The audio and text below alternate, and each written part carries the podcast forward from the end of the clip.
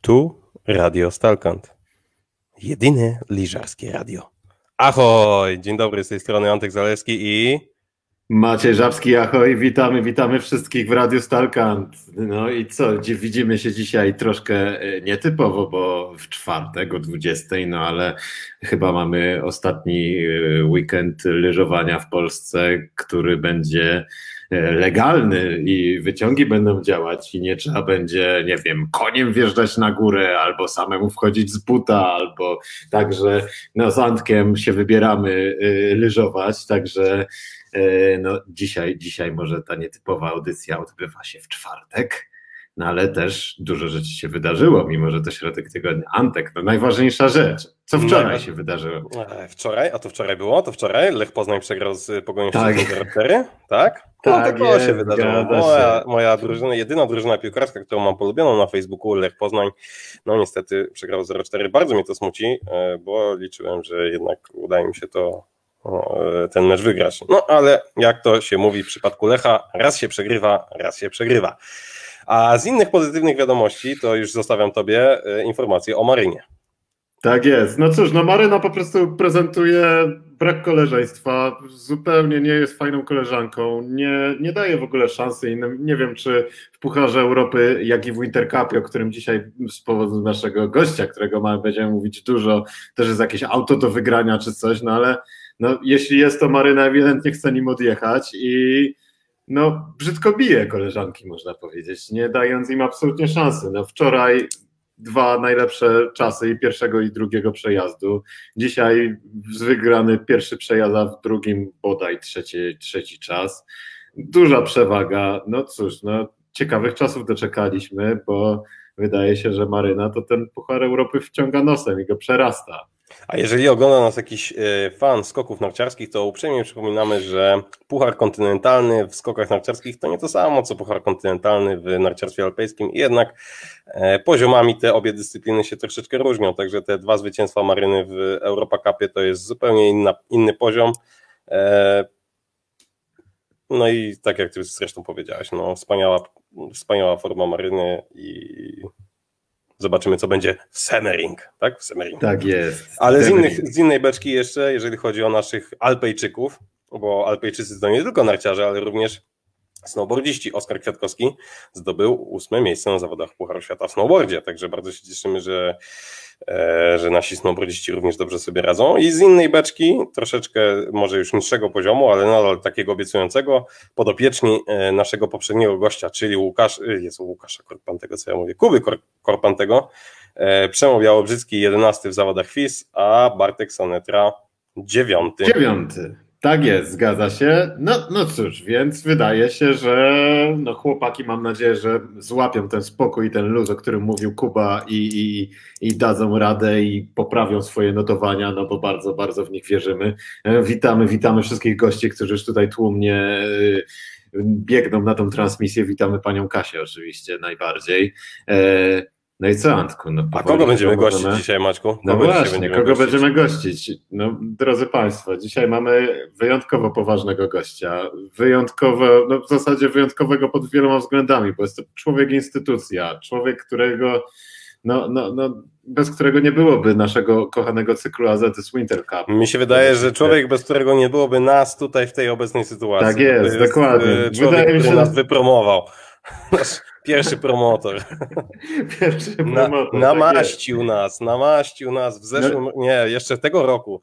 Jeszcze tego roku nas namaścił. Tutaj pamiętam, że wręczał nam wspaniałe podarki na zakończenie naszej sportowej, akademickiej kariery, jakże obfitej, jakże wspaniałe sukcesy. No ale chyba nie marnując cennego czasu waszego i naszego, y, wywabimy naszego gościa z, z kącika, muzycznego. Tak jest. już jest zapraszamy. to Darek Piekut.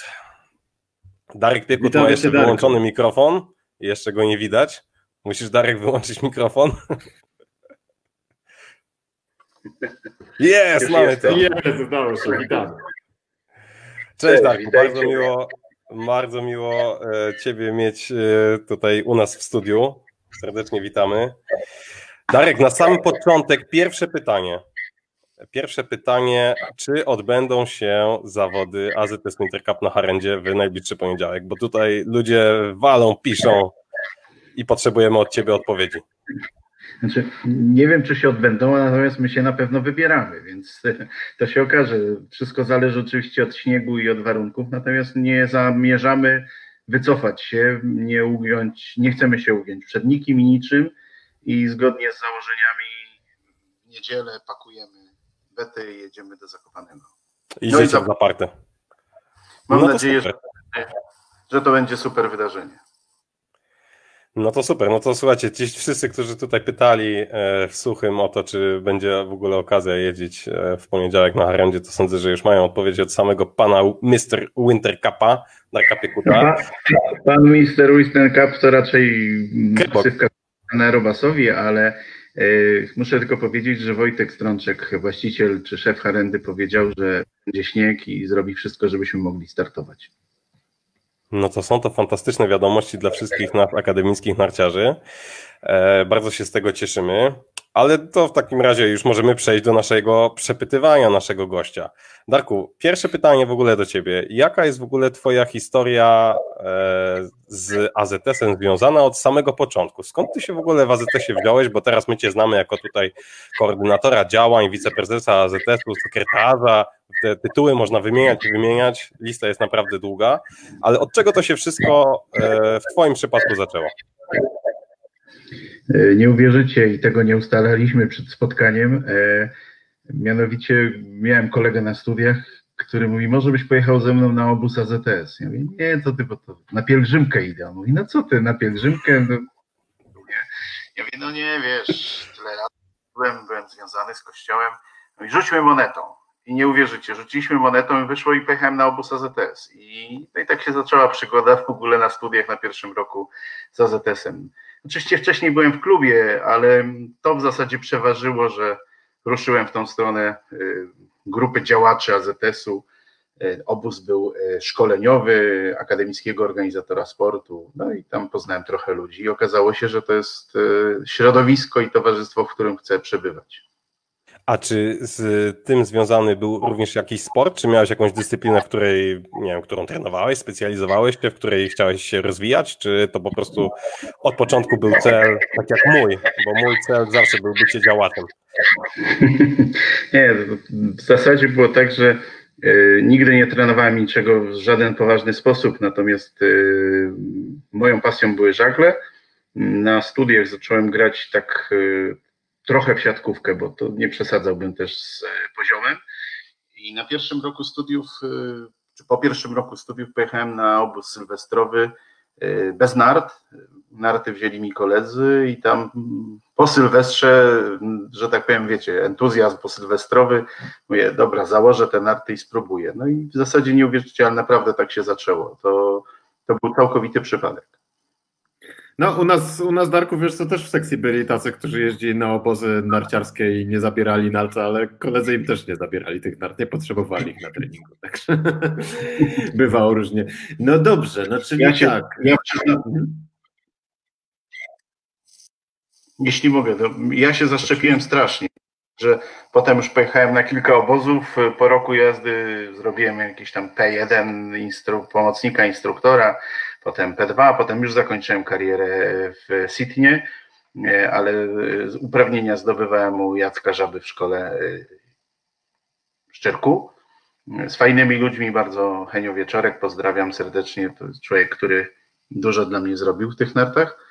E, no a potem to już przyszła taka przygoda, kiedy zaczęliśmy organizować Akademickie Mistrzostwa Polski. Trochę mm, trochę wbrew temu, co wtedy się działo. Chcieliśmy zmienić oblicze tego e, studenckiego narciarstwa, bo e, ono było zdominowane głównie przez kierowników studium WF-u i nie to, żebym miał do nich jakiś żal, tylko miałem wrażenie, że studenci są tłem e, całkowicie tego wydarzenia. Chcieliśmy zrobić tak i chyba po latach widać, że to się udało, żeby jednak byli głównymi aktorami tej, tej sceny.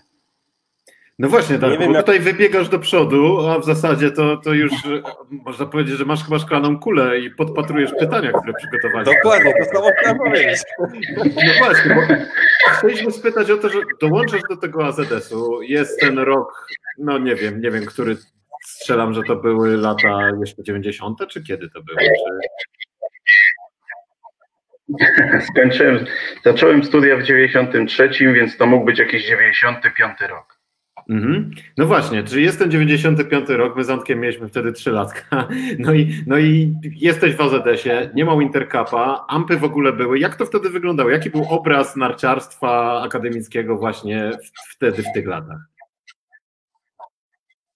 No wtedy po pierwsze y, nie było ampów, tylko były mistrzostwa szkół wyższych i w zasadzie to było tak, że politechniki miały swoje mistrzostwa, uniwersytety swoje i poza tym większych zawodów nie było. Politechniki spotykały się głównie w Zakopanem, to była zasługa Zbyszka Kuci z Politechniki Krakowskiej, Krzyśka Całki, e, trochę na bazie ich pasji narciarskich. Uniwersytety ścigały się w Wiśle na Stożku. Zdaje się, że tam obecny e, prezydent Duda startował wtedy w tych hampach e, uniwersyteckich. Ja nie miałem okazji spotkać.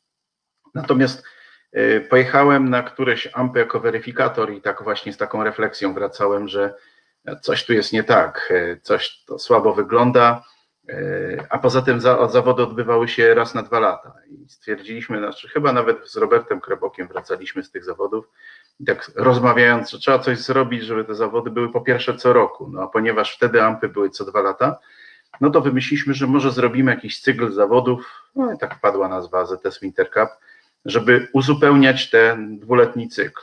No a potem, potem jak już miałem wpływ na AMPy jako wiceprezes i odpowiedzialny za upowszechnianie w AZS-ie, no to też z czasem zmieniliśmy system rozgrywania, że po pierwsze to były Mistrzostwa Polski Szkół Wyższych, przeszły na, nazwa zmieniła się na Akademickie Mistrzostwa Polski, no i po do, doprowadziliśmy do tego, że zawody są co roku, nie tylko w narciarstwie, w każdej innej dyscyplinie, więc yy, no tak, tak wyszło.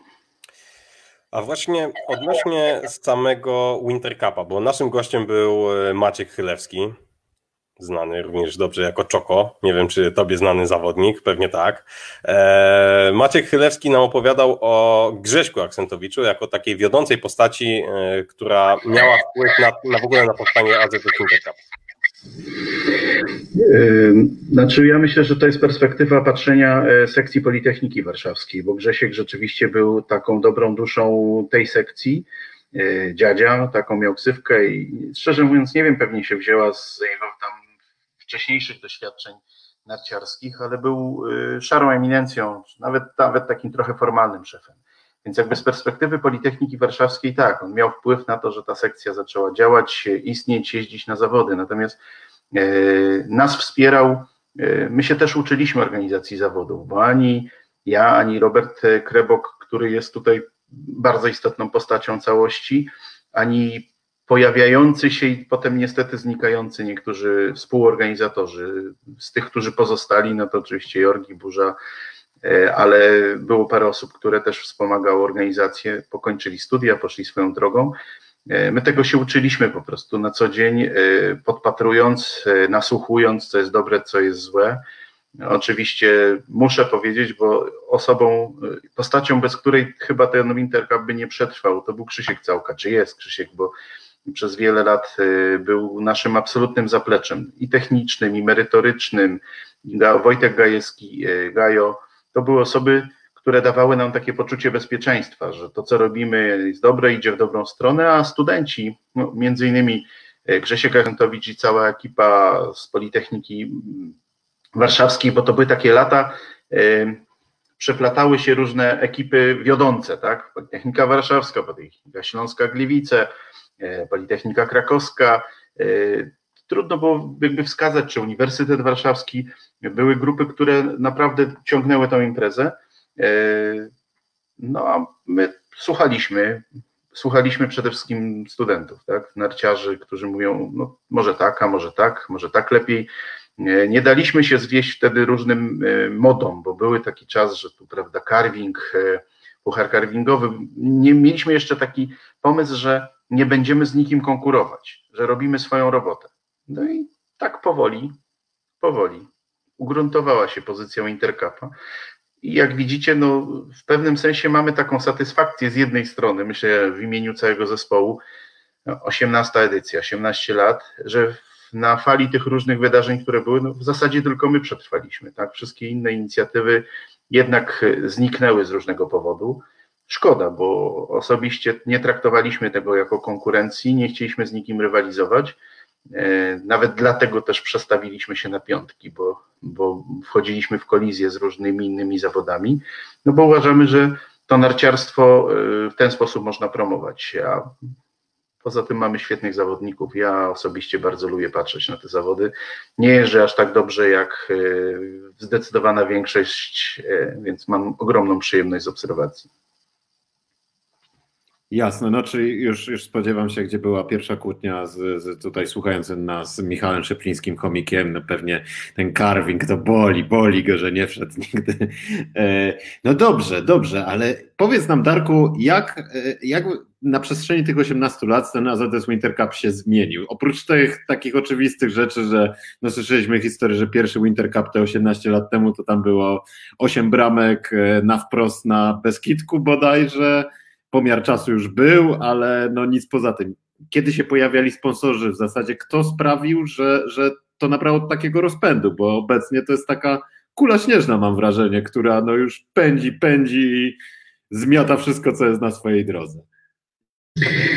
Rzeczywiście na początku to było siermiężne i wydaje mi się, że chyba pierwsze zawody jednak były na Gubałówce, Beskidek był może drugi albo trzeci.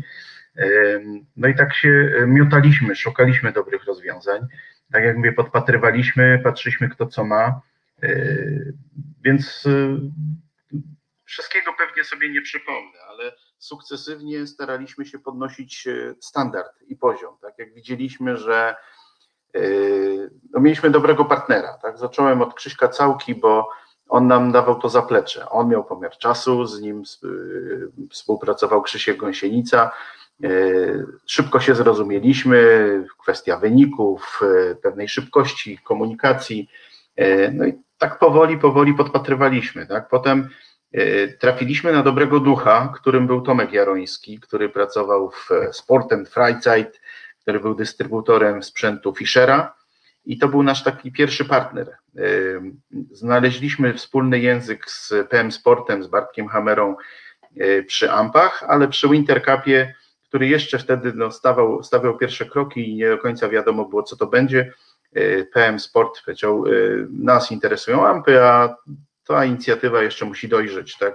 Okej, okay, no więc nie było problemów, trafiliśmy na Sport and Freizeit Tomka Jarońskiego. E, człowiek wielu obliczy, wielu talentów, jeździł z nami, przewoził sprzęt do testów. Pamiętam, że muszę sobie przypomnieć, Boże, Krzysiek Czański. Scenę o 300 narty objeżdżał, były momenty, gdzie wygrywał Intercup na tych scenę o 300, 300, czyli takich absolutnie turystycznych nartach, ale zdaje się, że yy, jego inżynierski umysł wyliczył, że to są narty dla niego optymalne i wykorzystał to, co tam wyliczył. To takie były czasy, czy to była prawda, czy nie, yy, wygrywał, więc to tak mniej więcej wyglądało. W każdym razie Tomek Jaroński z tym sprzętem przyjeżdżał i to był taki pierwszy nasz e, sponsor, który trochę dał nam nagród, e, ale też robił świetną atmosferę na stoku. Ludzie go polubili, serwisował, zagadywał, dobrze się z nami tam bawił e, we wszystkich elementach. Potem oczywiście w tymżeż Sporten Freizeit pojawił się niejaki Bobik, czyli dzisiaj e, pracownik PM Sportu. E, przechodziliśmy przez jakieś takie właśnie partnerskie relacje. E, oni zmieniali pracę, my zmienialiśmy partnerów. Był po drodze Skitim, bo akurat kolega Jaroński przeszedł do Skitibu, no i tak to mniej więcej trwało, po czym Bobik przeszedł do PM Sportu, ale też w którymś momencie chyba właśnie przede wszystkim Bartek Hamera nam zaufał po pierwsze startował w Wampach. E, do Intercupu chyba miał, e, jeśli nas słucha, to go pozdrawiam, ale miał chyba taki mały dystansik. Natomiast e, mimo wszystko wspierał, tak, jako, jako dosyć istotna postać, czy ważna postać w firmie PM Sport. Wspierał również Winter Cup, wtedy, wtedy jeszcze był taki moment, rozdzieliliśmy. Rossignole będą w Wampach, Dynastary będą w Winter Cupie, tak? No, a ponieważ te dynastary tak trochę przeszły z nami ze Skitimu, no to tak wizerunkowo e, to się nawet zgrywało. Więc to był taki moment, kiedy my się tego uczyliśmy, kiedy uczyliśmy się też obsługiwać czy mm, słuchać partnerów, tego czego oni chcą, jak chcą wyglądać, E, znaleźliśmy pierwszego, pamiętam, producenta numerów startowych, bo to też nie było takie oczywiste i proste w tamtych czasach. Dzisiaj jest to banalnie proste zrobić e, zawody. Mając trochę kasy, naprawdę wszystkie usługi można kupić zewnętrznie. My wtedy przycieraliśmy szlaki. E, no i tak powoli, powoli postawiliśmy na pewien poziom, ale tak naprawdę trzymaliśmy się narciarstwa alpejskiego. Były różne pokusy właśnie, żeby może pójść w taką czy inną stronę. Uznaliśmy, że slalom i gigant, czy tam gigant i slalom, bo w takiej kolejności rozgrywamy, to będzie zdecydowanie lepsze rozwiązanie i trzymaliśmy się takich pewnych standardów. Jedna rzecz, którą muszę tutaj powiedzieć i ona mi trochę zawsze ciążyła, dzisiaj mam do tego ogromny dystans i specjalnie mi na tym nie zależy, to to, że my się przebijaliśmy, próbowaliśmy się dobić do PZN-u. E, chcieliśmy wiedząc jak bardzo ważny PZN jest dla wszelkich narciarzy. Tak, dla nich e, logo PZN-u, e, ja sam byłem przez te kursy pod wrażeniem. Chcieliśmy ten PZN zaprosić, jakby poprosić o patronat, o kalendarz, o szereg różnych rzeczy. I o dziwo tak się składało, że zawsze się spóźnialiśmy dzień czy dwa z jakimś pismem.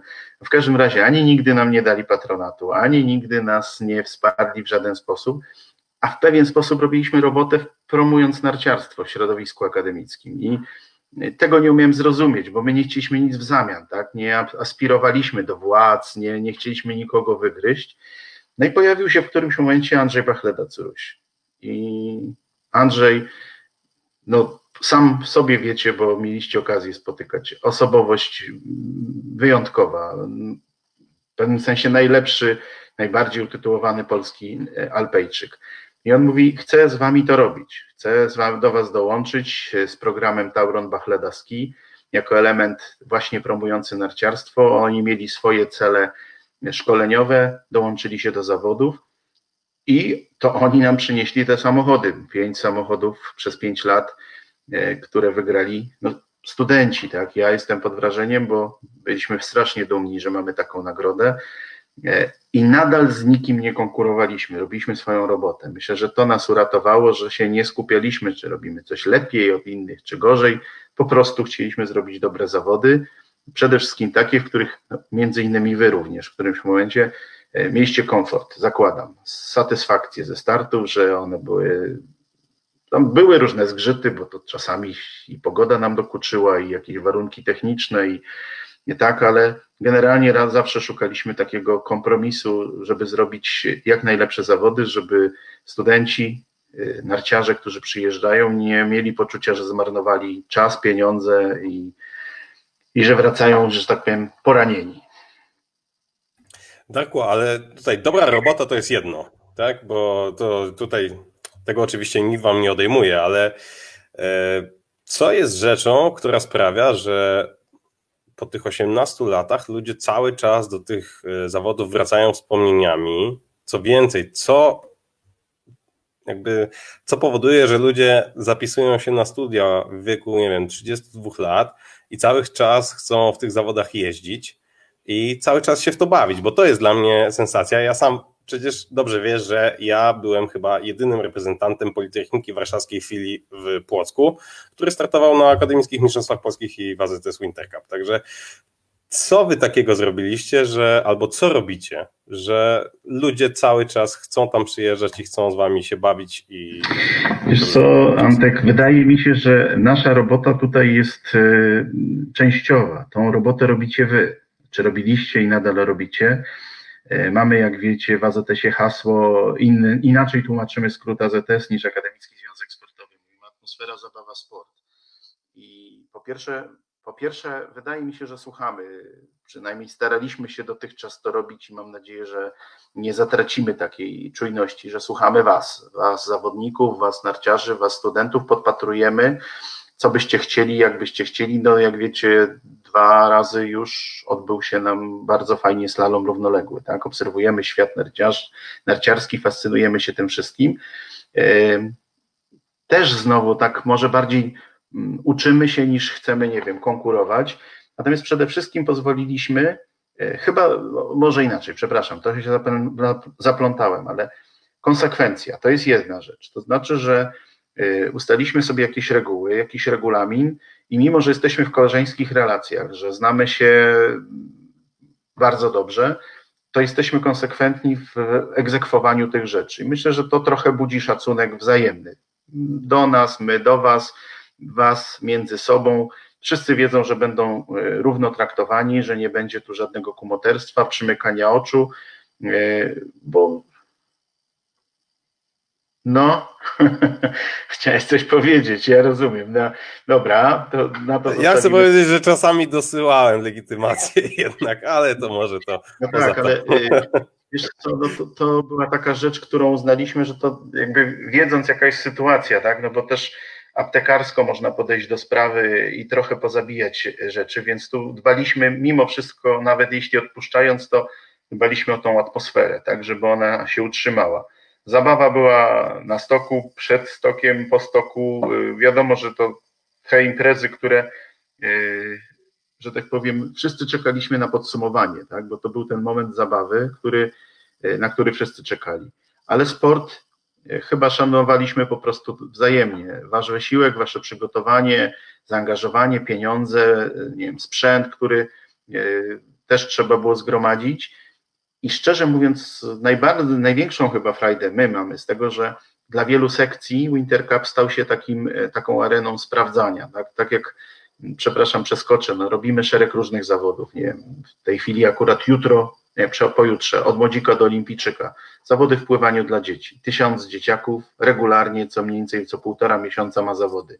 I są po prostu trenerzy, którzy z tego narzędzia korzystają jako narzędzie sprawdzające. I wydaje mi się, że w którymś momencie dla tych, którzy zaczęli ten, y, pojechali na Wintercup, zobaczyli jaka jest atmosfera, zobaczyli na jakim poziomie y, jeździ się. Ja pamiętam taki moment, y, że pojawiały się osoby, które miały gumę. O i to było, znaczy mówię o kombinezonie oczywiście. To było w ogóle wyjątek. Boże, jaka, skąd, tu gdzieś zużyta, taka w sensie wy, wy, wytarmoszona po jakimś zawodniku, tak? Dzisiaj w zasadzie ktoś bez gumy robi po prostu jest fotografowany i pytanie skąd on się wziął, prawda? Więc to też jest e, rzecz, którą e, wy jako zawodnicy, cała grupa zainwestowaliście, tak? Traktując e, no, ten cykl jako takie miejsce, gdzie można powalczyć, porywalizować, tym bardziej, że w którymś momencie, bo ja też może nie to, że ubolewam, ale mieliśmy taką ambicję, że cały ten nasz sportowy świat do tych Winter Cupów zajrzy. No, nie wszyscy zawodnicy, szczególnie ci topowi, nie traktują tego poważnie. Tak? No patrzyliśmy czasami, że były robione zawody, to były takie początki, kiedy na Harendzie pojawił się stok już ten, patrząc z dołu po prawej stronie. Y, był nasz Winter Cup ze świetną prawą, ze, no super zrobiony, tak, a dzień później takie czy dzień wcześniej no-name'owe zawody i okazywało się, że to jest memoriał Bronka Czecha, również robiony przez AZS akurat Zakopane e, i zawody fisowe, tak, gdzie można było punkty zdobyć i tak dalej. To w ogóle dwa różne światy. Byliśmy przekonani, że możemy to robić lepiej. Dlaczego do nas zawodnicy nie przyjeżdżają? No i to był ten moment, kiedy e, uświadomiliśmy sobie, że też jest jakiś nie fair rozgrywanie punktami FIS, tak, że tu gdzieś ktoś jeździ, zdobywa te punkty w przedziwnych zawodach, bo mieliśmy regulamin, głównie ampowy, który od punktów FIS-u zależniał losowanie w koszykach. E, no i wtedy też przyszło nam do głowy, że ten Winter Cup może być takim elementem promującym ligi środowiskowe, tak jak my robimy przy Winter Cupie e, Mistrzostwa Warszawy. Dzisiaj powoli namawiam innych. No dzisiaj akurat miałem rozmowę i być może któryś z Winter Cupów w tym sezonie będzie też mistrzostwami Dolnego Śląska, tak? E, rozmawiałem z gdańszczanami, że jeśli przyjeżdżają i tak gdzieś te okolice, to przecież jeden z Wintercupów może być mistrzostwami e, województwa pomorskiego, czy jakkolwiek to tam się nazywa. I tak powoli, powoli zaczęliśmy to narciarstwo promować, a wydaliście wiarę, wykorzystaliśmy wasz entuzjazm, E, waszą zabawę. No akurat e, tak się składa i to wszyscy wiedzą, że akurat wy dwaj e, zrobiliście też niesamowitą robotę właśnie związaną tą, z tą atmosferą. Sport oczywiście, zabawa, ale tworząc atmosferę, klimat. To, za to też muszę Wam bardzo podziękować, bo myślę, że wszyscy to wiedzą, szczególnie z ostatnich lat. Każda, jakby u nas jeszcze o kadencjach trudno mówić, bo to jednak powiedzmy takie pięciolecia y, miały swoich, y, swoje osoby, które nakręcały klimat, prawda? Y, pamiętamy kolegów typu Bączar, Sołtys i ich treningi mieszczuchów, to jest według mnie najlepszy film w internecie, jaki kiedykolwiek widziałem, ten z tyczkami centrum Warszawy, taka szereg innych, czy, czy, czy przebieżka tlenowa. No, znamy historię tych, tych wydarzeń i szczerze mówiąc, ta wasza reakcja żywa, natychmiastowa na to wszystko, jest genialna. Po czym pojawił się jeszcze chomik, no bo to o tym, to, to myślę, że jest oddzielny rozdział dotyczący Wintercupu, to chomik, który y, dał nam kolejny standard y, podniesiony, standard zdjęć, standard relacji, pisania, pokazywania, gadające głowy. Y, kolejna rzecz, która ja widziałem, jak ludzie, którzy nie przyjeżdżają, nie do końca rozumieją, o co chodzi w tych gadających głowach. Natomiast myślę, że był Zresztą jest tak, że każdy z nas po tym Intercupie, jak już tam odsapnie, to czeka na te gadające głowy i się zastanawia. Ja sam przyznaję, że nieraz mówię, kiedy w końcu ten chomik chociaż o, o jakieś byle gówno mnie zapyta, nie? No bo ciągle mnie tam pomija, chciałbym zaistnieć, nie? To takie, nie mam parcia na szkło, ale w tym jednym przypadku to jest taka nobilitacja, żeby się pojawić w takim programie, ale tu trzeba przyznać, że Michał zrobił niesamowitą robotę i w zasadzie to, co pytacie, na czym polega ten sukces, to to jest to, że bardzo wiele osób nam zaufało i poza no, sportową częścią włożyło swoje różne dodatkowe elementy. Także tutaj y, podejrzewam, że chomik nas, y, że tak powiem, y, słucha, widzi to dzięki. Na pewno słucha, on zawsze bez, wszystko słucha. Bez jego a Darek, słuchaj, bo właśnie, bo no, jakby Winter Cup w ogóle, oprócz tego, że to są e, wspaniałe zawody, to też również wiele ludzi nauczył w ogóle narciarstwa. Ja jestem, wydaje mi się, taką osobą, nie wiem, Maciek podejrzewam, że również troszeczkę tego skilla. Jak najbardziej. Winter Cup mnie zmotywował do tego, żeby nauczyć się porządnie jeździć na nartach. Nie wiem, czy wyszło, ale... Ja tak samo jakoś, uważam, że nie wiem, czy do, do końca to wyszło, ale wiem, że to była jedna z głównych moich motywacji w ogóle, żeby jeździć na tych nartach. Ale pytanie mam troszeczkę inne, bo wy właśnie mając całe to zaplecze, całe jakby ten know-how jak robić zawody. Robicie to, no, jak już my tutaj potwierdziliśmy, naprawdę dobrze. Nie mieliście jakby takie pokusy, żeby pójść o krok dalej i spróbować jakby właśnie y, zachęcić bardziej tą sportową stronę do właśnie do udziału w tych zawodach, może jakimś innym cyklem? Wiesz co, już według mnie jest bardzo trudno coś wcisnąć. E, tego nie widać, e, ale ta organizacja naprawdę wymaga sporo pracy, e, sporo kosztuje i teraz uruchamianie czegoś nowego, znaczy mi chodzi po głowie jedna rzecz. Jest jeszcze potencjał, tylko niestety nasze góry, nasza zima nie daje pewnej gwarancji, ponieważ mamy bardzo dobre relacje w Europejskiej Federacji Sportu Akademickiego. Prezydentem tej federacji jest Adam Roczek z Wrocławia, nasz wiceprezes w zarządzie głównym. Już wielokrotnie rozmawialiśmy o tym, żeby zrobić akademickie Mistrzostwa Europy w narciarstwie alpejskim. I pewnie mielibyśmy też szansę być organizatorem pierwszych, może nawet drugich takich mistrzostw. No tylko problem polega na tym, że mamy słabą zimę, słabe góry, i trudno jest zapewnić pewien standard. Bez sensu z kolei, żebyśmy my robili to, nie wiem, we Włoszech czy we Francji, kiedy tam pewnie jest i potencjał, i możliwości. To był jakiś taki pomysł, żeby pójść właśnie ten krok dalej, o którym mówisz, i, i jakaś taka ambicja. Ostatnio rozmawialiśmy, bo jak widzicie, obserwujecie, nie wiem jak to oceniacie, bo szczerze mówiąc, sam mam z tym problem, ale Marcin Blaut, który ma ambicje zmienić polskie narciarstwo alpejskie w PZN-ie, rozmawialiśmy o tym, że może powinniśmy w Wintercupie dołączyć na przykład kolejnego dnia robić zawody dla dzieci. Trochę tak, żeby ich zaszczepiać tym standardem, który robimy.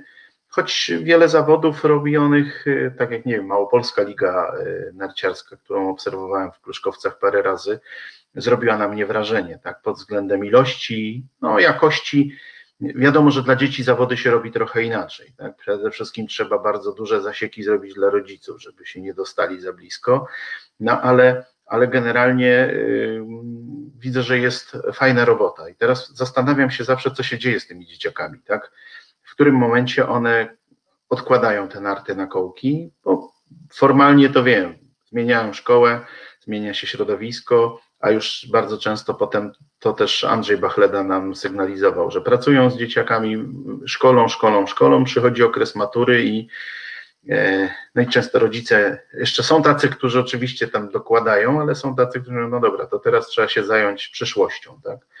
I to może zabrzmi górnolotnie, bo to nie dotyczy wprost interkapu czy ampów w narciarstwie, ale jako AZS udało nam się przekonać Ministerstwo Nauki do programu Narodowa Reprezentacja Akademicka. Znaczy oni tak to nazwali, bo taką nazwę potrzebowali, tam wszystko musi być narodowe. Znaczy nie mówię, że to źle, tylko e, e, program jest super, tak, bo program daje pieniądze studentom, właściwie rektorom, żeby studentom, sportowcom stworzyć warunki do studiowania. I to jest jakby kolejny krok, który jako AZS wnieśliśmy według mnie do, do wszelakich sportów, tak, no bo Dzięki temu też otwierają się szanse do tego, żeby uprawiać sport i studiować nie tylko na AWF-ie, ale i nie mówię, że AWF-y są złe, tak? Tylko no wiele osób ma jakiś pomysł inny potem na przyszłość, bycie inżynierem, prawnikiem, lekarzem.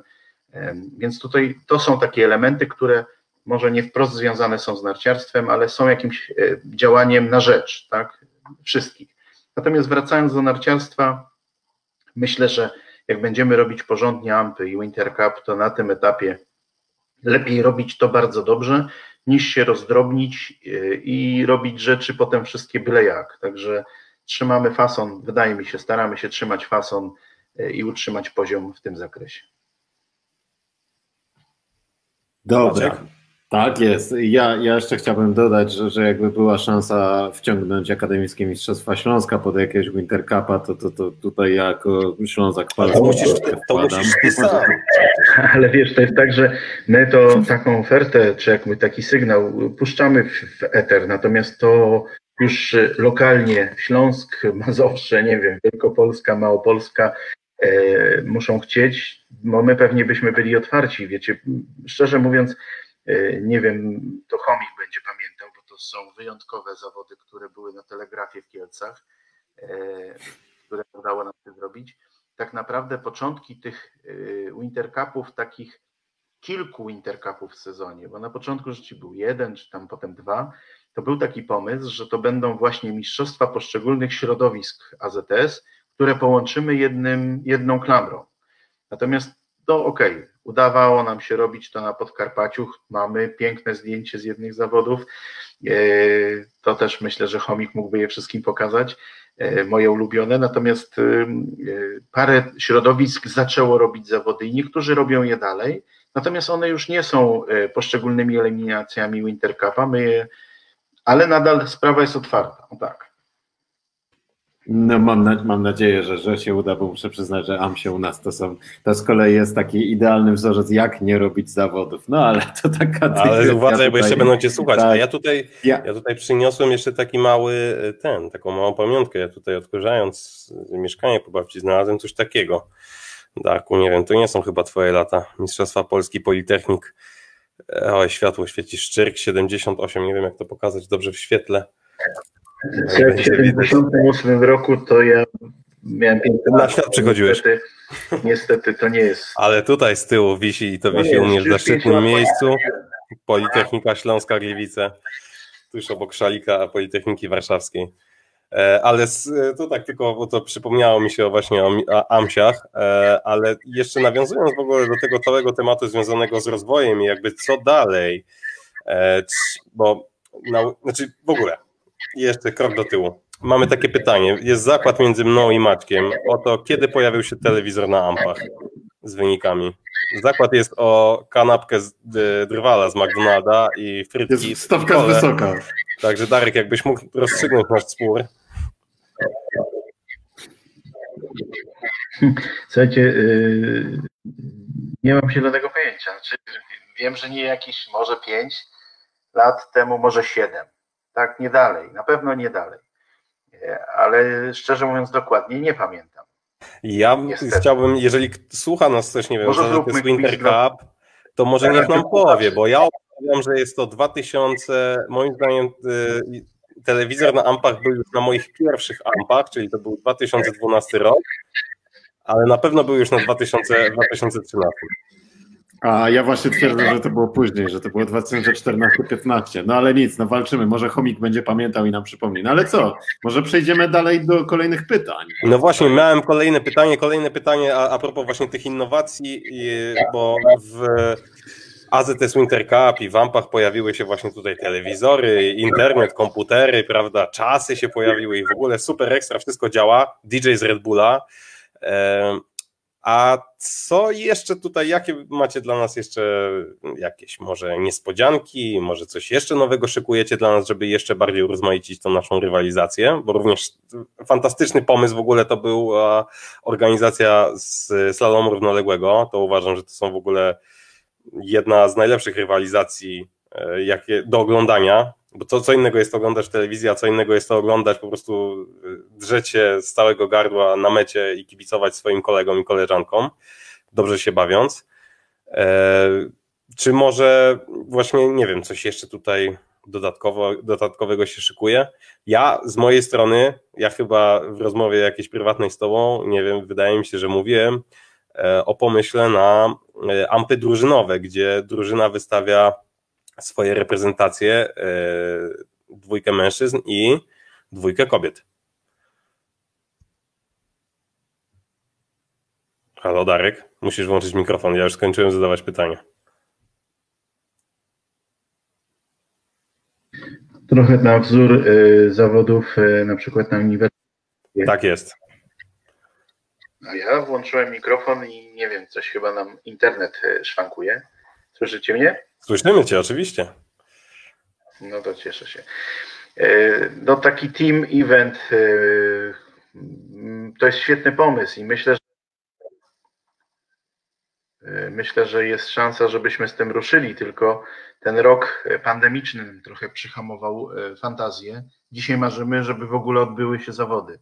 I szczerze mówiąc, szukanie nowych rozwiązań zostawiliśmy sobie na kolejny etap, może przyszły rok Właśnie z tego względu, że tak naprawdę przesunęliśmy masę wydarzeń AZS-owskich na końcówkę tego roku. Nie było czasu tak naprawdę, żeby popracować nad tym, nie dlatego, że nie chcieliśmy, tylko rzeczywiście mając świadomość, że dużym wyzwaniem jest to, żeby one się w ogóle odbyły. No i dzisiaj jakieś światełko w tunelu jest, choć jak już patrząc na kalendarz, jedne zawody mamy już wyłączone. 8 stycznia nie będziemy mogli zawodów zrobić. Mam nadzieję, że wszystkie pozostałe zrobimy, a te gdzieś upchniemy, żeby jednak nie tracić tych możliwości, no ale musimy przetrwać te magiczne ferie. No i ten koronawirus nam trochę tutaj wszystko przyhamował. Więc y, drużynowe zawody to jest świetny pomysł i wszyscy co do tego mamy absolutnie y, pozytywny stosunek. Y, jedyny problem to jest to, żeby trzeba było wydłużyć zawody o kolejny dzień, tak naprawdę, bo nie da się po dwóch slalomach i po dwóch gigantach jeszcze jeździć takiego team eventu, tylko no pewnie trzeba by zostać na kolejny dzień. Oczywiście jest wszystko do zrobienia, no to jest kwestia e, kosztów, ale pewnie też nie są one nie do, do przeskoczenia. A jeszcze parę lat temu był w ogóle wspaniały pomysł, którego byłem wielkim zwolennikiem, związany z zawodami na Szczęśliwicach. Czy będziemy mieli w ogóle szansę pościgać się na Szczęśliwicach na śniegu?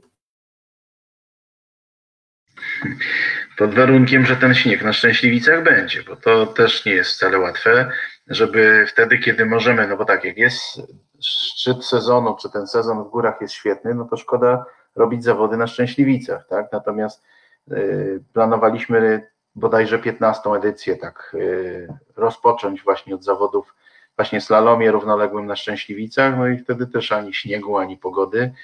Y, tak, tak nawet sobie pomyśleliśmy, że być może w kolejnym sezonie wykorzystamy nie tylko Szczęśliwice, ale te wszystkie, że tak powiem, sztuczne stoki y, miejskie, po to, żeby może zrobić właśnie cykl dodatkowych zawodów, wtedy, kiedy już tego śniegu, no pewnie trzeba będzie jeździć na szczotkach, no bo mówię, jak jest śnieg w górach, to szkoda jeździć na, na Szczęśliwicach, bo jednak y, no, obiekt, mimo że całe szczęście, że w ogóle jest, no to no, nie oszukujmy się, każdy stok w górach jest lepszy.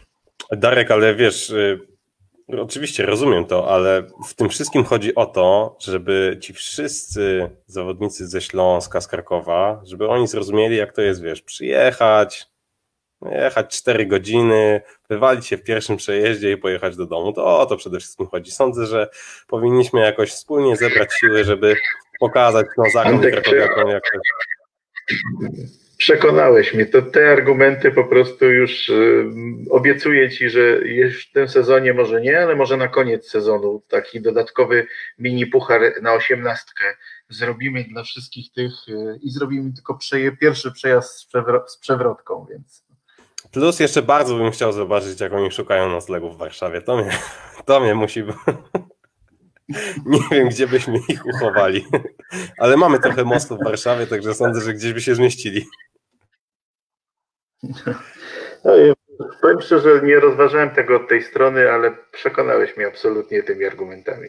No to fantastycznie, to chociaż jeden sukces y, w tej naszej rozmowie jest, ale wróćmy dalej do naszych tematów, bo tutaj my sobie wypisaliśmy z Maćkiem takie jakieś punkty zaczepienia i idziemy po nich po prostu jak, jak Jesteśmy mały... przygotowani jak nigdy, naprawdę. Idziemy po tych punktach jak Robert Korzeniowski po złoto w Sydney.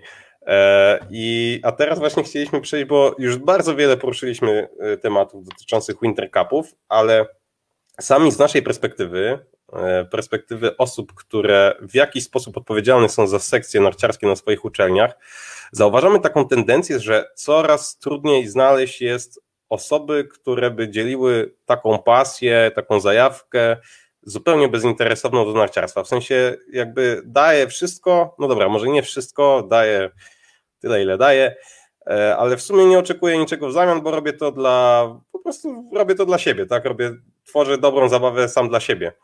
E, jak to wygląda właśnie u Was? Jak Wy w ogóle znajdujecie motywację taką do tego, żeby cały czas pchać to do przodu e, i żeby, nie wiem, cały czas, tak jak Maciek to nazwał, żeby ta kula śnieżna cały czas się toczyła? Z jednej strony w sumie wiem, bo po prostu robicie, my, my to robimy, tak? W sensie my studenci przyjeżdżamy i robimy tą atmosferę, ale z Waszej strony y, ta wymiana między, międzypokoleniowa jak wygląda?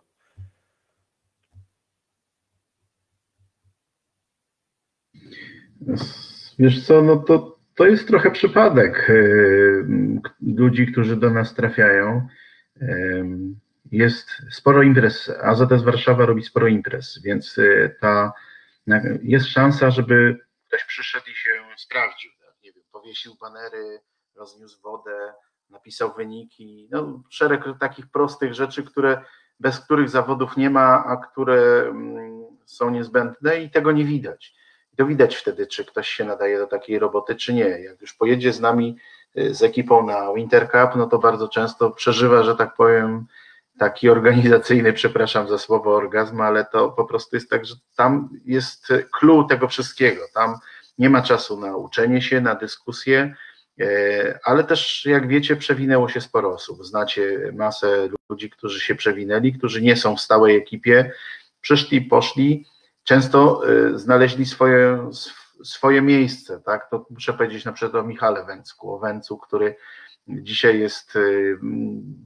głównym droniarzem i robi cudowne zdjęcia, cudowne filmy już i dla nas na narciarstwie, ale i na żeglarstwie i na wszystkich innych, ale bywał z nami, jeździł na Wintercupy, uczył się, y, zasypiał, różne rzeczy robił taki, no to jest taka szkoła, szkoła dla wszystkich, tak? Więc chyba ta atmosfera, ta, ta przygoda, to, że można przeżyć. E, ja niestety zazwyczaj jeżdżę osobnym samochodem, bo albo przyjeżdżam później, albo wcześniej wyjeżdżam, ale jednak ten burzobus, który nawet już nie jest burzobusem, tylko po prostu podróż wspólna busem ekipy, szczególnie powrót, no bo jeszcze w tamtą stronę jest mobilizacja, ale powrót to już jest takie trochę rozluźnienie i świętowanie Raz miałem okazję jechać, ale byłem kierowcą, więc nie byłem w stanie z, w pełni skorzystać z dobrodziejstwa. To fatalnie, to fatalnie. No, ale, ale wiecie, to są takie rzeczy, w których się łapie ludzi właśnie na takich emocjach, tak, gdzie widzą, że to jest fajne, że to jest szczere, że tam można sobie pozwolić, pożartować, przeżyć. Natomiast AZS generalnie jako taki myślę, że uczy bardzo fajnie odpowiedzialności ludzi i oni nawet nie wiedzą, że się tego uczą. Tak? Bawią się, robią robotę E, na etapie studiów e, każdy z nas to pamięta, że jak mógł się załapać do czegoś i tam skorzystać, jak ja studiowałem, tak człowiek dostał koszulkę, to było super, potem dzisiaj pewnie trzeba dostać ze dwie stówy za dzień, ale, ale to się zmienia, tak, natomiast jest coś, co człowiek robi z przyjemnością, w fajnej atmosferze i jeszcze ma z tego jakieś profity, tak, a w konsekwencji po, po jakimś czasie wychodzi świetny człowiek na rynek pracy, tak, który potrafi sobie poradzić. Ja to często studentom takim młodym mówię, no dzisiaj to już jest archaiczna sprawa, ale wtedy, a umiesz wysłać faks? No nie, no bo gdzie ten faks co w dzielnym życiu można było spotkać, tak? A tu trzeba było wysłać jakieś zamówienie, wyniki. Pewnie dzisiaj młodzież przychodzi już bardzo obcykana w technologię, w maile i inne rzeczy. No tylko nie zawsze sobie zdaje sprawę, że to jest świetne narzędzie też do promocji, do pracy i nagle tutaj uczy się takich umiejętności. E, no, myślę, że to jest tak, że nadal ta atmosfera zabawa sport. To tutaj, nawet jeśli właśnie ktoś nie jest sportowcem, to znajdzie swoje miejsce w tej ekipie e, organizacyjnej tak? I, I, nadal się czuje tą częścią. Ja myślę, że jest wiele osób, które nam pomaga i gdzieś tam patrząc na to, jak zawodnicy zjeżdżają, czują się trochę tymi zawodnikami. Nie pozwólcie mi tyle mówić, bo ja zagadam. Nie, no to właśnie o to chodzi. Właśnie w Stalkancie my dajemy tutaj naszym rozmówcom e, wypowiedzieć się w pełni i to nas, mam nadzieję, wyróżnia w jakiś sposób. Dobrze. E, my jeszcze mamy też takie pytanie, które nas mocno dotyczy, właśnie mnie i Antka, czyli ludzi, którzy już są tutaj na końcu tej akademickiej drogi i w pewnym stopniu nasze serduszka się no, zrobiły puste i czy, czy planujecie może, albo czy, czy, nie wiem, może widzisz jakiś sposób na wypełnienie tą, tej pustki właśnie po zawodach dla ludzi, którzy skończyli karierę, czy, czy AZS myślał o czymś takim może kiedyś, czy raczej nie? E, to też jest jakiś pomysł na przyszłość, bo myśleliśmy o tym, żeby jednak stworzyć przynajmniej jeden w sezonie zawsze e, puchar dla absolwentów, tak, czyli dla tych, którzy już nie spełniają kryteriów formalnych, żeby wystartować w normalnych zawodach. No teraz no mamy okoliczności takie, które będą nam sprzyjać częściej, tak, no bo osiemnastka, puchar to jest pomysł, że te puchary z okazji konkretnych rocznic y, pozwalają wystartować wszystkim i to jest rzecz, która znowu w moim przekonaniu udała nam się wyśmienicie no bo jest szansa skupić wokół pomysłu ludzi, którzy w tym Intercupie przez lata tworzyli klimat, e, startowali, e, więc osiemnastka w tym roku, coś na dziewiętnastkę wymyślimy, dwudziestka jest okrągła, potem jest oczko, więc są lata kolejne, że pewnie coś się będzie działo, ale rzeczywiście jest tak, że gdybyśmy mieli takie przekonanie, e, być może trzeba sprawdzić, bo to tylko w ten sposób, że jeżeli zrobimy symbolicznie raz w roku chociażby jednym, jeden moment zawody właśnie nie dla aktualnych narciarzy, tylko dla e, tych, którzy już nie mogą startować? No pewnie tak. Natomiast Was zapraszamy, miejsca komentatorów są wolne, e, jest zawsze coś do noszenia przy rozstawianiu, przy zawodach, można, namiot trzeba rozstawić, zadźwigać bramę, na pewno znajdzie się jakieś miejsce w ekipie. Dziękujemy. No to, to, to naprawdę miło słyszeć, że, że znajdzie się, chociaż nie wiem, czy jeszcze ktoś chciałby słuchać tych wrzasków e, do mikrofonu, które tam z siebie wydobywamy i wyrzucamy. E, jeszcze mam też takie pytanie może o, o historię trochę Winter Cupu. Czy jest coś takiego, e, co w Winter Cupach było te 10-15 lat temu, a czego nie ma teraz, a brakuje ci? Czy w jakiś sposób coś zmieniło się też na, na gorsze, czy, czy tylko szliśmy w dobrą stronę? Wydaje mi się, e, no, zaskoczyłeś mnie takim pytaniem, bo nie zastanawiałem się. Wydaje mi się, że jednak chyba tak jest, że e, raczej e, szukamy dobrych rozwiązań i one dominują. To, co było dobre, co zawsze było jakąś taką wartością, pozostało. No właśnie ta to rzecz, na którą my w zasadzie poza tym, że stwarzamy okoliczności, y, nie mamy większego wpływu, czyli ta taka atmosfera przyjaźni, takiego, y, mnie fascynuje to, że zawsze mnie fascynowało, że w tym Winter Cupie tak trochę jak wy, zawsze trafia się, takie trafiają się pary osób, które walczą ze sobą nie walczą, znaczy pewnie walczą gdzieś pośrednio o pierwsze i drugie miejsce, a w zasadzie o pierwsze. Natomiast tak naprawdę to jest zawsze są takie pary, które walczą o pierwsze miejsce w tej parze, tak? Nieważne, czy to będzie na poziomie e, drugiej piętnastki, trzydziestki, gdziekolwiek, tak? Natomiast to są fajne rzeczy. I to zostało, to jest, ja to obserwuję i ja takie pojedyncze pary gdzieś tam widzę, to jest fajne. Natomiast no, chyba same dobre rzeczy idą do przodu. Nie ma czegoś takiego, czego by nam brakowało, poza ludźmi, którzy już, że tak powiem, skończyli tą karierę, odeszli, zajmują się innymi rzeczami, to, to ludzi nam brakuje na pewno. Także, tak jak mówicie, być może powinniśmy zrobić coś, żeby oni mogli jeszcze startować. E, natomiast no, zawsze jesteśmy ciekawi nowego sezonu, nowych ludzi, nowych odkryć, nowych zdarzeń, nowych ciekawostek. No tak. Też mi, też mi się tak wydaje, że, że, że to jest, no, że raczej, raczej e, niesamowitą właśnie rzeczą w Intercupie jest to, że, że mimo, że ludzie się zmieniają, to ta atmosfera w jakiś sposób zostaje, jest ona na podobnym poziomie. I czy no właśnie, bo ta atmosfera nigdzie nie jest wypisana w regulaminie, nigdzie, nigdzie w zasadzie nie jest ona określona, nie, nikt nie mówi, że mamy się dobrze bawić i nie przesadzać z przedstartową, powiedzmy, tą napinką, a mimo wszystko jakoś to przetrwało już 18 lat.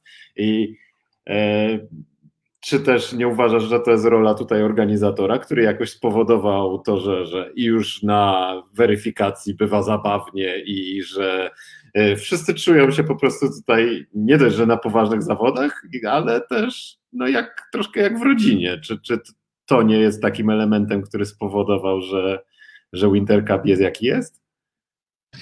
Znaczy, wiesz co, mi się wydaje, że generalnie chyba narciarstwo, jeżeli jest uprawiane w sposób świadomy i ludzie się uczą pewnych zasad zachowania na stoku, to przede wszystkim szanują się wzajemnie i e, z tego szacunku takiego wzajemnego, to też jest taka rzecz, że e, no, pewnie mógłbym gdzieś sobie przypomnieć ze dwa albo trzy przypadki takie, że pojawiał się nagle dobrze jeżdżący narciarz, nowy, świeży i trochę gdzieś brakowało mu takiego dystansu e, odpowiedniego, trochę próbował cwaniakować. No tylko, że kończyło się to tym, że potem był sam. Szybko się uczył przyzwoitości, tak? Że to, że dobrze jeździ, to były pojedyncze przypadki. To nie mówię, że to był zaraz ktoś, kto był absolutnie najlepszy, tylko mam tam pamięci ze dwa albo trzy takie zdarzenia że gdzieś zachowywał się w sposób trochę lekceważący, zarówno do nas jako organizatorów, bo ja tam nie wiadomo gdzie po świecie nie jeździłem, ale też w stosunku do tych narciarzy, którzy są słabsi, dla których to jest pewna nowość, tak, uczą się mm, tego sportowego szlifu, to było widać, że to yy, brak szacunku stawiał taką osobę być może na pierwszym miejscu, czy powiedzmy wysoko w rankingu, ale dosyć daleko potem w tym wszystkim, co się działo po zawodach. Często bywały takie osoby gwiazdami gadających głów, oczywiście w odpowiedni sposób przedstawione inteligentnie przez chomika. Natomiast e, i to uczyło chyba takiego e, stosunku do, do całości. I to jest taka. Dzisiaj jest dużo łatwiej, bo my wszyscy wiemy, czego chcemy, wiemy, jak to wygląda, jak chcemy, żeby wyglądało, ale na początku mieliśmy jako organizatorzy dużo takich przygód, że ci tacy on trochę e, narciarze próbowali traktować nas trochę per noga, tak? Natomiast wtedy tracili tą relację e, towarzyską no i szybko się nawracali. Czyli szybko byli po prostu ustawiani do pionu. Zaczął no. fikać, to od razu wjeżdża Darek Piekut, wjeżdża Robert Kerbok i co ty mi tu będziesz tutaj wyjeżdżał z jakimiś fisami? Zobacz, patrz co tu jest. Ale wiesz co, Darku, jeszcze taka, e, taka rzecz, e, nie pamiętam już nawet kto, kto, mi to mówił, ale to, co mi się wydaje, że te zawody też wyróżnią, to jest coś takiego, że każdy kibicuje każdemu. I tutaj Maciek wspominał o tej napince, że ona czasami się tam pojawia.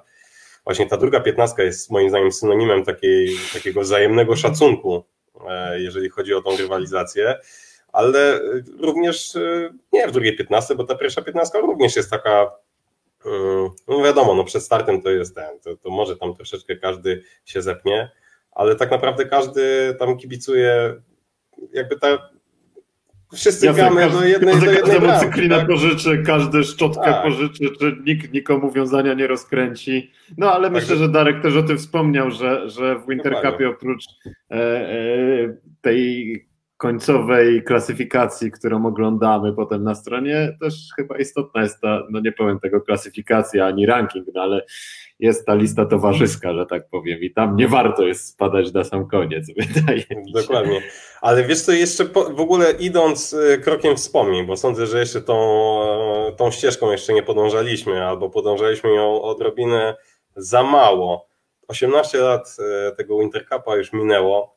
A jakie zawody ty najbardziej zapamiętałeś, najbardziej zapadły w twojej pamięci? Może jakieś zawody, na których, o których nie wiem, no, my nie mamy prawa pamiętać, jakaś właśnie tutaj śmieszna anegdotka, coś w stylu, wiesz, jakiegoś atmosfericza czy coś. Czoko nam opowiadał o tym, że dwa samochody kiedyś e, zjechały do, e, do rzeki, wracając z Wisły. Ja sądzę, że ty na pewno e, jesteś w stanie nas uraczyć czymś lepszym, czymś lepszym nawet niż zamknięty bar w Ustrzykach Dolnych. Na pewno coś takiego w twojej pamięci zapadło. Słuchajcie, no jest pewnie wiele takich rzeczy i może nie o wszystkich powinienem powiedzieć. E, wspomniany Tomek Jaroński, pamiętam, to przepraszam, ale taka opowieść, e, byliśmy bardzo przejęci, no bo zanim się zakolegowaliśmy i przeszliśmy do normalnych koleżeńskich relacji, no to był pan sponsor. To był jakiś bardzo ważny przedstawiciel firmy, który miał przyjechać na pierwsze zawody na Gubałówce, rozstawić tam sprzęt, no ale ponieważ wieczór był przed zawodami dosyć, że tak powiem, towarzysko dobrze rozwinięty, jeden z naszych kolegów z ekipy się trochę bardziej poświęcił, żeby e, pana sponsora też, e, że tak powiem, towarzyszyć mu. No i pan sponsor, że tak powiem, przyszedł na zawody po rozdaniu nagród, bo to zdarzyło się, tak? My tutaj spinka chcemy dobrze wypaść, wizerunek, logo, wszystko podpięte, no kiedy on będzie, tak? No obudził się, nie wytrzymał napięcia z naszymi y, organizatorami. Oto drobiazg, ale zrobiło to wtedy, pamiętam, bardzo mnie to rozbawiło, że my tutaj tacy naprawdę byliśmy tacy spięci, jakby wiecie, papież miał przyjechać do, do, do Polski, nie? A tu to był jeden taki element, mówię, jest ich wiele, ale chcę powiedzieć o jednym szczególnym momencie, który w tych zawodach zrobił na mnie chyba największe wrażenie. Myślę, że już go obserwowaliście i pamiętacie. Jest świetne zdjęcie chomika z tej sytuacji. Pamiętacie, kiedy Baton walczył o e, samochód bodajże drugi i przegrał e, z Wojtkiem Szczepanikiem w Kruszkowcach bodajże gigant i ta jedna przegrana sprawiła, że tak naprawdę samochód wygrała Agnieszka Gąsienica-Gładczan, bo ona miała wszystkie wygrane, Batonowi jednej zabrakło. Ale wiedząc, że ta jedna przegrana, ten przejazd giganta, bo to, jeśli dobrze pamiętam, a może slalom, przepraszam, tego nie pamiętam, to była jedna przegrana w całym cyklu, zabrała mu szansę na zdobycie samochodu i pamiętam to zdjęcie, jak po prostu po koleżeńsku przebili piątkę. Kojarzycie, jest to zdjęcie gdzieś na skifoto.pl jak e, stoją z przybitą piątką, jeden drugiemu gratuluje.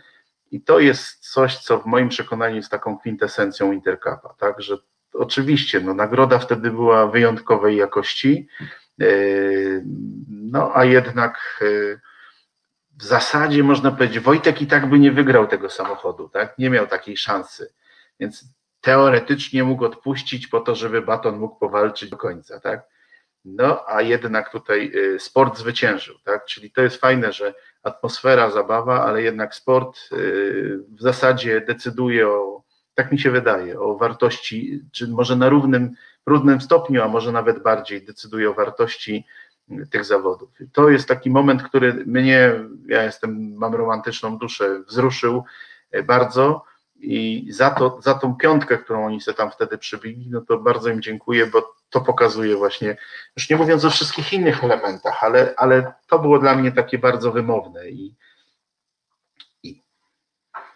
A samochód w tym strumyku w Wiśle, tak, to jest świetnie opisane w albumie z dziesięciolecia, że poszedł jak, jak simigany, igła, nówka sztuka, ale leżał na dachu w strumyku, to prawda. To, to takie były przygody. No te wspomnienia, to, że myśmy nie mogli. Ja sądzę, że my nie będziemy w stanie nigdy dorównać tej łącznej fantazji, która, e, która tym starszym rocznikom przyświecała i która im towarzyszyła, ale staramy się to robić jak tylko możemy. W ogóle bardzo ciekawe to, co mówisz, że każda, jakby każde pokolenie miało taką swoją parę błaznów. To jest w ogóle dla mnie. Dla... Nie użyłem słowa błaznów, ale rzeczywiście zawsze były osoby, które nadawały szczególny, szczególny, że tak powiem, poczucie humoru wprowadzały i pewien klimat e, żartu e, kulturalny i z, z całości, tak? Bo i nam się też parę razy jako organizatorom dostało, bo tam gdzieś coś nie dociągnęliśmy, nie wiem, mogliśmy odwołać albo nie odwołać, zrobiliśmy drugi przejazd, mimo że nie powinniśmy, czy, czy odwołaliśmy, a powinien się odbyć, więc dostawało nam się również, tak, ale y, chyba nie pamiętam, żeby było gdzieś jakieś przegięcie, żeby to miało jakiś taki charakter, powiedziałbym, przekraczający granice. Bardzo jeszcze przyznam, że bardzo mi się podobał pomysł, którego nie udało się nam powtórzyć, no bo współpraca z Tauron Bachledaski przez względów w zasadzie politycznych się rozpadła, no bo program się skończył i nie mieliśmy partnera, ale ten pomysł y, z nocnym slalomem, z trafieniem w czas wzorcowy, który wtedy Bartek Całka wykręcił, pamiętacie, Mateusz Habrat wtedy najbliżej był, no to był to była też jedna z takich kluczowych, fajnych imprez, bo skupiła masę ludzi przy stoku, wieczór, światło, Fajna sprawa. No i wydaje mi się, że właśnie takie pomysły tutaj nam przyszli do głowy, przedyskutujemy e, i okazuje się, że to była fajna sprawa. No już nie mówiąc o tych takich imprezach zakończeniowych, przebierankach. Wiadomo, że e, przebieranki są lampowe, ale w zasadzie kluczowy moment, kulminacyjny moment przebieranek był zawsze przy podsumowaniu Intercupu, tak? I to, to też w zasadzie Bon rozpoczął od tych hampów z wąsem i, i tak poszło. I w zasadzie teraz trudno by było nawet zrezygnować, aż e, wszyscy czekamy, mimo że to są interkapy, to wszyscy czekamy, jakie będą w tym roku ampy. Tak? No w zeszłym roku się udało. No ale może się uda. Ale też się poprzebierali, też się poprzebierali. Ja sądzę, że nic nie przebije e, wjazdu Przemka Gałuszki Mercedesem po odbiór nagrody. Ja uważam, że to było chyba opus magnum, jeżeli chodzi o tak, miałem okazję, miałem okazję być szoferem tego Mercedesa i właścicielem. No, był, był to zaszczyt dowieść tam Przemka. E, ale co, jeszcze, jeszcze chcieliśmy też zadać pytanie takie ogólne, jeśli chodzi o AZS. Czy, czy w zasadzie widzisz, Darku, może jakieś środowisko sportowe, które ma też aż taki potencjał do właśnie tej wyjątkowej atmosfery e, jak narciarstwo? E, wiecie co? E, myślę, że każdy ma taki potencjał. To jest kwestia tylko powtarzalności. Jeżeli masz zawody raz w roku przez trzy dni, to ciężko jest tam zmotywować, jakby zgrupować ludzi jeszcze wykrzesać oprócz tych sportowych ambicji czas na zabawę. My mamy tutaj tą rozbiegówkę. Interkapy rozbiega, ten sezon nakręcają, no i kończymy to ampem. Tak się fajnie to ułożyło, udało nam się to ułożyć i według mnie to, to jest tutaj e, istotna sprawa. Natomiast rzeczywiście, e, może dlatego, że też to jest jakby druga poza narciarstwem moja pasja i w to też mm, będąc takim formalnym szefem AZS-u Warszawa poszliśmy, czyli żeglarstwo, wykorzystując ośrodek w Wilkasach. To też jest taka impreza, gdzie e, po pierwsze pewnie też ze względu na specyfikę, na to, że ci żeglarze jednak też są nauczeni pewnego bycia w grupie, bawienia się przy ognisku, no to obserwuję, że tam jest też fajny potencjał, ale myślę, że tak naprawdę e, mamy to środowisko akademickie jest e, o niesamowitym potencjale w każdej dyscyplinie. Ważne, żeby się spotkali ludzie i to, co ja przynajmniej zawsze naszym, naszemu zespołowi mówię, że nie można rzucić hasła i stać z boku. Trzeba być tym prowodyrem, trzeba pokazać, tak, że jak masz pomysł, mówisz przebierzmy się, to nie możesz się nie przebrać, tak? Nie jak mówisz zabawmy się, to nie możesz jeszcze stać z boku i nie wiem, nagrywać czy robić zdjęcia, żeby wrzucić na Facebooka najbardziej skandaliczne, tak? To, to nie, nie w tą stronę. I tu takie zespoły jak się tworzą, no to one muszą trochę pomagać tym ludziom, którzy przyjeżdżają na zawody na chwilę, ale ja myślę, że podejrzewam, że y, gdybyście jeździli na inne zawody, nie wiem, czy gry zespołowe, czy nawet indywidualne, no tam się tworzy niesamowity klimat, bardzo szybko. Ci ludzie szybko się integrują. Nie można im tylko imprezy zrobić na ostatni wieczór, bo tak to nie zdążą się poznać. Teraz obserwowałem Igrzyska Studentów pierwszego roku. To jest, wiecie, ciekawostka, bo tam są ludzie, którzy są po raz pierwszy na takiej imprezie. Nigdy wcześniej w środowisku akademickim nie byli, bo sam regulamin ich wyklucza. Muszą być po raz pierwszy na studiach, żeby na taką imprezę pojechać. No i tam błyskawicznie się ta atmosfera tworzy. Tak? No dobrze zrobione zawody sprawiają, że oni się nie muszą niczym przejmować. Mają jedzenie, spanie, teraz był COVID, to z imprezami było krucho, tak? No ale ujął mnie jeden młody człowiek, jak mu tam medal wręczałem, mówi, jakby pan miał chwilę, to zapraszamy do pokoju, nie? Więc jakby duch w narodzie jest cały czas y, odpowiedni, więc tylko trzeba dać możliwość, nie? Więc myślę... Duch w narodzie Polaków jest zawsze, panie Darku, zawsze. A właśnie bardzo dobrze, że poruszyłeś tą kwestię. Bardzo dobrze, że poruszyłeś tą kwestię, bo ja chciałem tutaj, tutaj e, wywołać jeszcze nasze pierwsze spotkanie. I chciałem właśnie e, to nasze pierwsze spotkanie, moje i twoje, żebyś e, przywołał jakby swoimi oczyma, jak to wyglądało, bo moim zdaniem to jest całkiem ciekawa historia. Ja, ja się tylko wtrącę, jak pierwszy raz Antka zobaczyłem e, właśnie na Ampach i tak, nie wiem, czy mieliśmy wtedy jakąś dłuższą styczność niż tylko widzenie, to pomyślałem, co to za debil, tak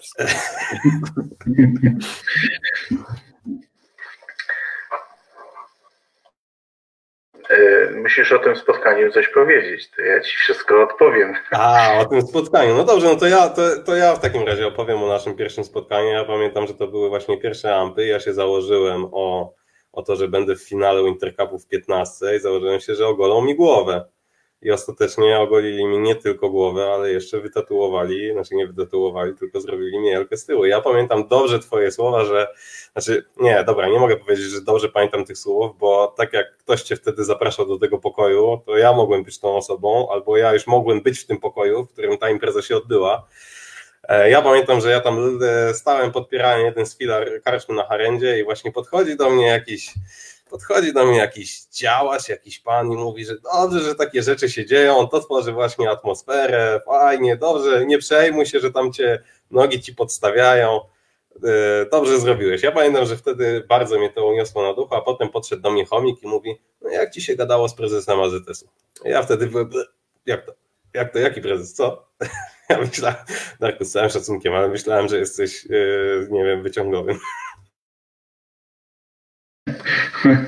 No, Bobik, który też nam towarzyszy, nieraz mi mówi, weź w końcu jakieś inne ubrania sobie kolorowe zamów, bo jak grawasz wyglądasz w tych czarnych kurtkach i spodniach.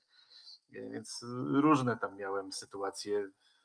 Wiesz co, ja tak naprawdę muszę powiedzieć, że a te z perspektywy czasu mijającego i tego, że no coraz bardziej poważnie albo muszę się zachować, albo jestem traktowany z racji funkcji i wieku. Strasznie zazdroszczę wszystkim młodym ludziom, którzy mogą się zapomnieć, ogolić, powytatuować nie wiadomo co jeszcze zrobić, bo e, nawet jeśli generalnie jestem zadowolony ze swojego życia, mam świetną rodzinę, pracę, ludzi wokół, to e, bardzo chętnie wróciłbym do okresu studiów, bo myślę, że to jest najpiękniejszy czas e, w życiu no, moi starsi koledzy mówią, że jeszcze podobno na emeryturze jest fajnie, no ale to też trzeba mieć do czego wracać według mnie. Natomiast do emerytury już, no jeszcze trochę. Gdzieś jestem powiedzmy w jakiś prawie, no chyba półmetek przekroczyłem. Natomiast y, zawsze zazdrościłem i za nadal zazdroszczę studentom i młodym ludziom, że y, mogą jeszcze bez większych konsekwencji pozwolić sobie na odrobinę szaleństwa, zapomnienia, mi już z racji właśnie mówię i funkcji, i wieku i no, trochę nie wypada. Nie? To też jest tak, że człowiek by chętnie pobalował, poszedł gdzieś tam w tango, no ale potem może być e, jeszcze w dzisiejszych czasach, kiedy wszyscy wszystkich nagrywają, robią zdjęcia, to się trzeba... Darek, dobrze wiemy, że z tobą można pójść w tango, tylko trzeba mieć wyłączony telefon. Staram się sobą też nie za zamęczać młodszych już ludzi, bo myślę, że też czasami krępuje e, to, że tak jak mówisz, to prezes. No ja prezesem nigdy nie byłem, zawsze byłem tym drugim wiceprezesem. taka funkcja mi bardzo odpowiada, bycie gdzieś tam w tle i robienie roboty zabezpieczenia, powiem, tyłów, dobrze się w tym czuję. Miło, że, że czasami ktoś to docenia, zauważy, ale no, fajnie. No, cóż więcej mogę powiedzieć? Trochę się tutaj chyba spłoniłem, zarumieniłem. Słuchajcie, bo yy, nie wiem, czy w ogóle ktoś nas słucha, ale to według mnie już. Oczywiście, że nas słucha. Przekroczyliśmy, bo ja tu nie widzę podglądu żadnego, ale yy, czy nas słucha, czy nie. Natomiast myślę, że nie powinniśmy też ludzi zanudzać. Ja bardzo Wam dziękuję. Też nie ukrywam, że gdzieś obowiązki rodzinne tutaj odrywają. Yy, jak czegoś nie dopowiedzieliśmy, to zostawmy sobie jakiś niedosyt, będzie pewnie lepiej. W każdym razie zapraszamy na Winter. To już y, najbliższą niedzielę trzeba się spakować, pojawić. Mam nadzieję, że w poniedziałek będzie szansa na to, żeby porywalizować, porozstawiać, pokomentować, no, posprzątać, nie wiem, wręczyć nagrody, polosować, zrobić zdjęcia. Wszystkie te elementy mają swój fajny charakter, mamy do tego fajnych ludzi. Zapraszamy kolejnych, bo to też jest tak, że dość rąk do pracy. No i mam nadzieję, że się zobaczymy. No, przepraszam, że może skracam, ale też nie Ale chcę, szanowni żebyście... państwo, szanowni słuchacze, po tym można poznać pana prezesa, że przychodzi w gości i mówi, dobra, słuchajcie, pogadaliśmy, koniec, wszystko jest zamknięte, to o tym właśnie, tak to powinno wyglądać. My, my to już My tu mamy duże problemy z, z kończeniem i to już z Antkiem na czacie tutaj rozmawialiśmy, e, że, że już kończymy, kończymy, także dziękujemy, że nam pomogłeś w tym w sumie. Tak widzę, widzę, ten czat, więc umiem czytać, nie tylko no wprost tutaj między No dobrze, czyli co? Dziękuję. Tak, widzimy się w poniedziałek na Harendzie. No, mam nadzieję, że już w niedzielę, ale to... W niedzielę. To, no tak. Mam nadzieję, no że się sezon dobrze i uda się go dokończyć i że w tym roku już z tych ampów nas nikt nie wyzuje i przetrwamy te całe pandemie i wszystkie pomysły też wdrożymy. Dziękuję Wam bardzo za zaproszenie. Dziękujemy serdecznie. Waszym i naszym gościem był Dariusz Piekut. Muszę jedno Dziękuję jeszcze rzecz powiedzieć. Tak, przepraszam. Nie, nie, nie. Ostatnie. E,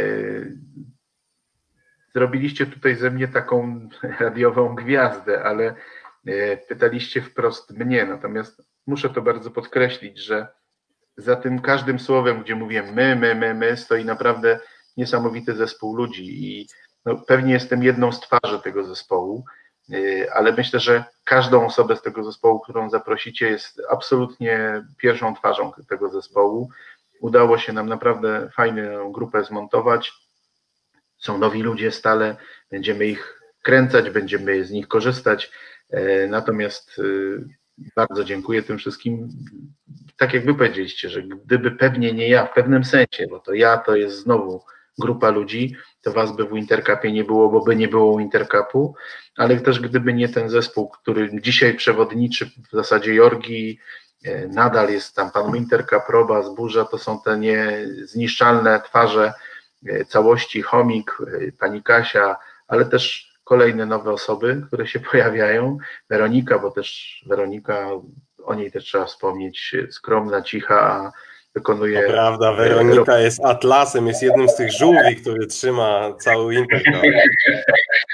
No, więc y, jeśli nawet kogoś nie wymieniłem, to tym bardziej przepraszam, bo to ja powinienem wymienić wszystkich, ale no, na przestrzeni tych lat tych osób było dużo. Mam nadzieję, że właśnie planowany w tym roku y, Puchar 18-lecia dojrzałości e, skupi znowu tych wszystkich ludzi, którzy e, mają szczególny sentyment do Intercapu. Zapraszamy już dzisiaj.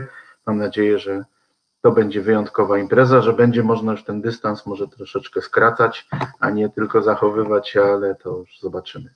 Jeszcze raz bardzo Wam dziękuję i pozdrawiam wszystkich. Dziękujemy serdecznie. I my wszystkim dziękujemy, a narciarzy zapraszamy w niedzielę na Harendę. Tfu, już w poniedziałek nasze wyścigi, a weterani pamiętajcie, że w tym roku jest osiemnastka. No i co, żegnamy się. Także ahoj wszystkim. Dziękujemy Darku i do zobaczenia. Trzymajcie się. Cześć.